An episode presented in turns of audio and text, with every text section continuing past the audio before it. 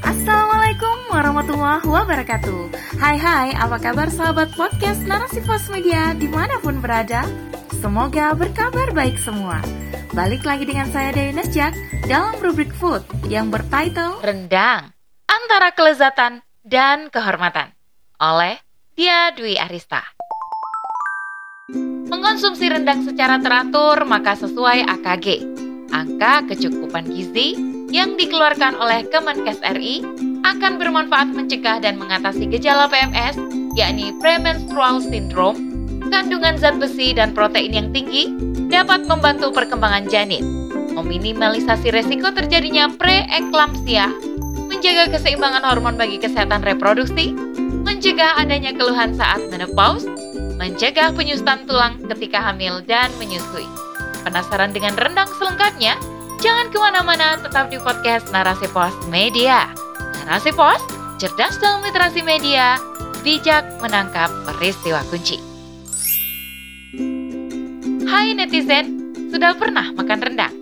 Sayang sekali jika belum. Yap, makanan asli Minangkabau Sumatera Barat ini telah banyak tersedia di rumah makan Padang. Rumah makan Padang ini pun tersebar ke seantero Indonesia. Bahkan di beberapa negara juga akibat kelezatan makanan yang disajikannya. Tak terkecuali rendang yang menjadi ikon makanan enak di rumah makan Padang. Tahu nggak?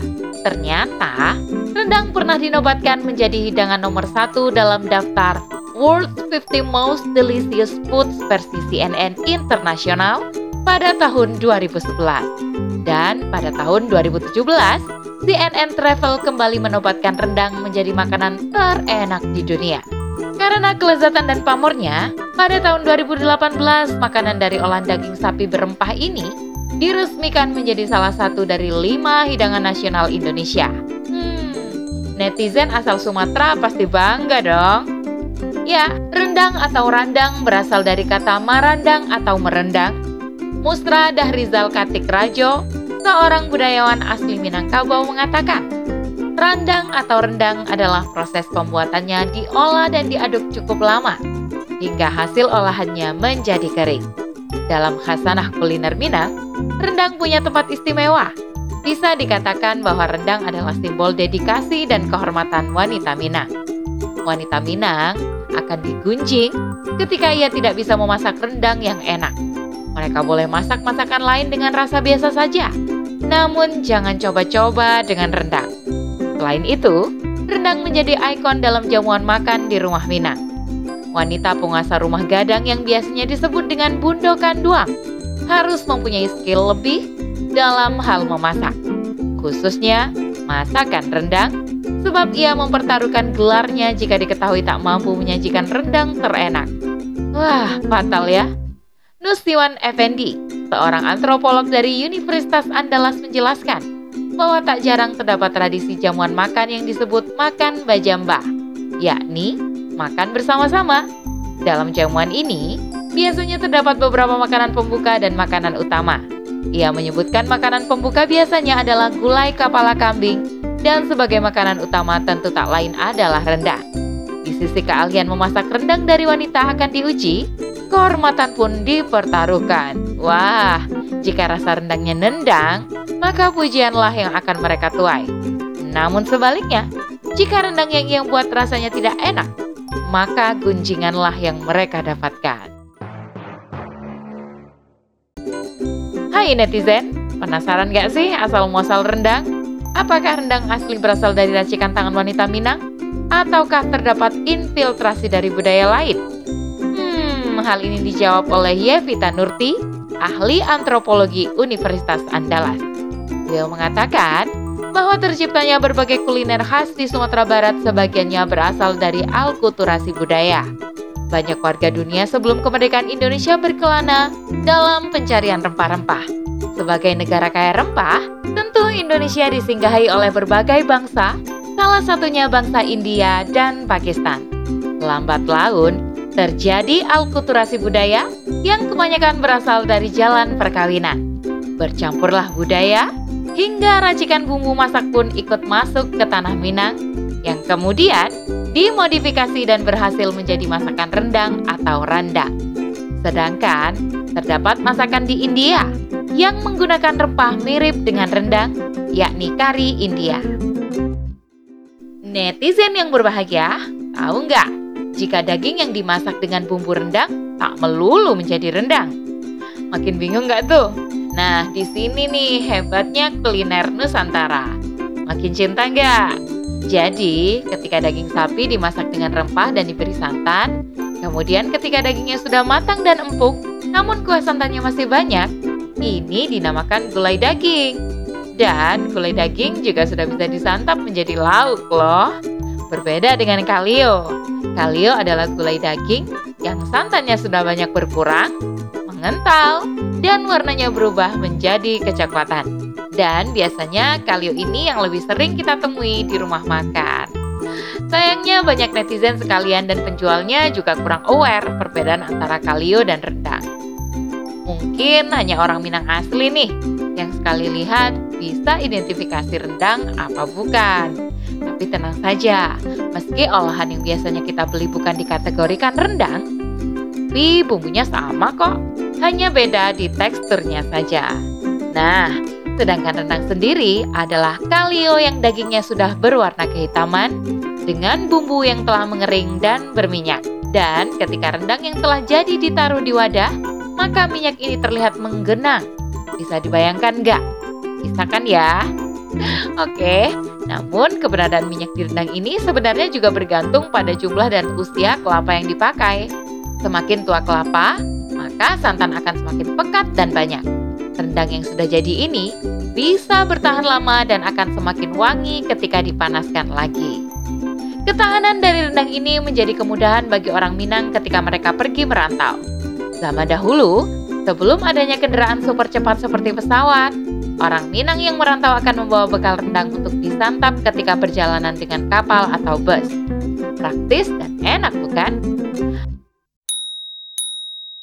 Berikut cara membuat rendang. Netizen yang baik, resep di bawah ini adalah salah satu resep yang dipakai untuk membuat masakan rendang. Jadi kemungkinan besar akan terdapat sedikit perbedaan. Namun secara garis besar hampir sama lah. Nah, langsung saja yuk kita intip resepnya. Bahan-bahannya adalah 1 kilo daging sapi, 1 liter santan kental, 500 ml santan cair, 3 butir peka, 3 atau 4 buah kapulaga, 5-6 buah cengkeh, kaldu sapi bubuk secukupnya, 5 cm kayu manis, 2 lembar daun kunyit, 6 lembar daun jeruk, 1 ruas lengkuas geprek, 2 batang serai geprek, 4-5 siung bawang merah, Iris 2-3 siung bawang putih, iris 1 sendok makan bumbu rendang instan, setengah butir kelapa parut, dan minyak goreng secukupnya. Adapun bumbu halusnya adalah 12 siung bawang merah, 1 siung bawang putih besar, 1 ruas lengkuas, 1 ruas jahe, 1 batang serai, ambil bagian putihnya saja, kemudian 1 sendok makan ketumbar, 1 sendok teh lada, bisa diganti dengan lada bubuk ya, kemudian 1 sendok teh jinten, seperempat buah biji pala, cabai rawit sesuai selera, cabai merah keriting sesuai selera, dan garam secukupnya. Adapun cara membuatnya, pertama, siapkan wajan, sangrai setengah butir kelapa yang sudah diparut hingga warnanya berubah kecoklatan. Kemudian, angkat dan haluskan sangraian hingga mengeluarkan minyak. Lalu, campur dengan bumbu halus. Kedua, siapkan minyak goreng secukupnya di wajan yang lebih besar Tumis dua bawang dengan daun salam, daun jeruk, serai, dan daun kunyit hingga mengeluarkan bau harum. Selanjutnya, tambahkan peka, cengkeh, kapulaga, dan kayu manis kemudian aduk hingga merata. Ketiga, masukkan bumbu daging, lengkuas, dan bumbu halus yang sudah tercampur tadi dengan kelapa sangrai. Kemudian, masukkan daging sapi yang sudah dibersihkan dan dipotong. Keempat, tumis hingga bumbu meresap ke dalam daging sapi, setelah dirasa cukup, masukkan santan pekat dan santan cair. Aduk terus hingga mendidih, lalu tambahkan kaldu bubuk seperlunya jika selera. Kelima, masak hingga minyak keluar dan kecilkan apinya. Waktu yang dibutuhkan agar rendang mengering dan berwarna kehitaman kurang lebih 8 jam. Wah, 8 jam ya netizen.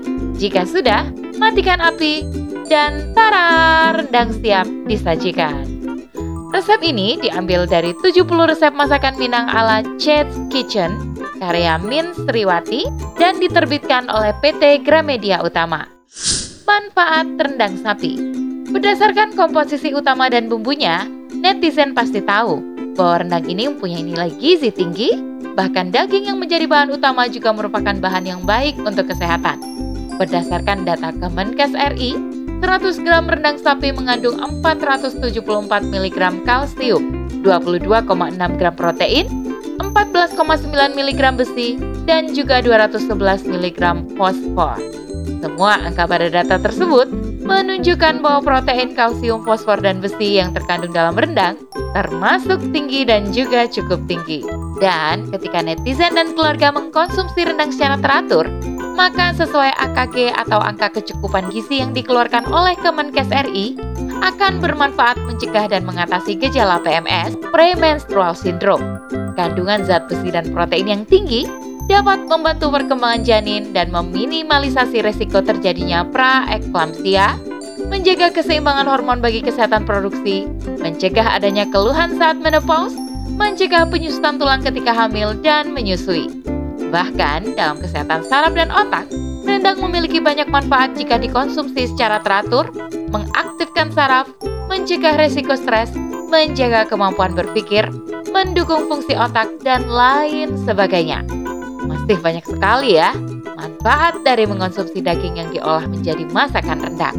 Namun, sama seperti yang lain, ketika memakan sesuatu terlalu berlebihan tentu akan menimbulkan dampak yang buruk. Begitu pula dengan berlebihan mengkonsumsi rendang, akan timbul hal negatif yang tidak kita inginkan. Adapun dampaknya, dilansir dari halosehat.com, terdapat empat dampak buruk ketika seseorang terlalu banyak memakan daging. Bukankah rendang juga berasal dari daging? Yap, exactly. Maka, yuk simak dampak buruknya agar kita juga mengetahui seberapa banyak daging yang dianjurkan untuk dikonsumsi. Netizen Budiman, siapa sih yang pede ketika ngomong lalu keluar bau tak sedap dari mulut kita?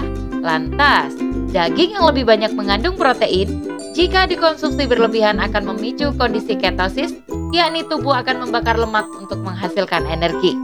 Satu sisi tentu orang yang punya kelebihan berat badan akan gembira, namun di sisi lain ketika tubuh terlalu banyak membakar lemak, akan menghasilkan zat keton. Nah, keton inilah yang akan menjadi sumber bau mulut meski sudah menyikat gigi, bahkan sudah berkumur dengan mouthwash sekalipun. So, berhati-hatilah. Labilnya suasana hati. Terlalu banyak makan makanan yang berasal dari daging dikhawatirkan akan mengurangi asupan karbohidrat. Sedangkan karbohidrat berguna untuk merangsang hormon serotonin untuk mengatur suasana hati. Daging yang kaya protein tentu adalah makanan yang memanjakan lidah ya netizen.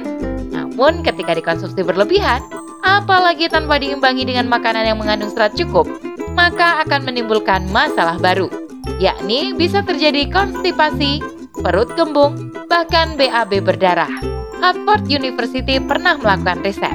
Mereka menyatakan bahwa orang yang mengonsumsi daging lebih dari tiga kali sehari mempunyai resiko terkena kanker usus besar daripada mereka yang mengonsumsi daging lebih sedikit. Jadi, netizen salihah boleh suka sama makanan berdaging, namun tetap dong merujuk pada peringatan Rasulullah yang beliau riwayatkan melalui Ibnu Mas'ud, binasalah orang yang berlebihan. Tiga kali Rasulullah menyebutkan hadis ini, baik sebagai berita tentang kehancuran untuk mereka ataupun sebagai doa kehancuran bagi mereka. Hadis riwayat Muslim. Wallahu a'lam bishawab. Demikian rubrik food kali ini. Sampai bertemu dalam rubrik food selanjutnya. Saya Dewi Najak undur diri. Assalamualaikum warahmatullahi wabarakatuh.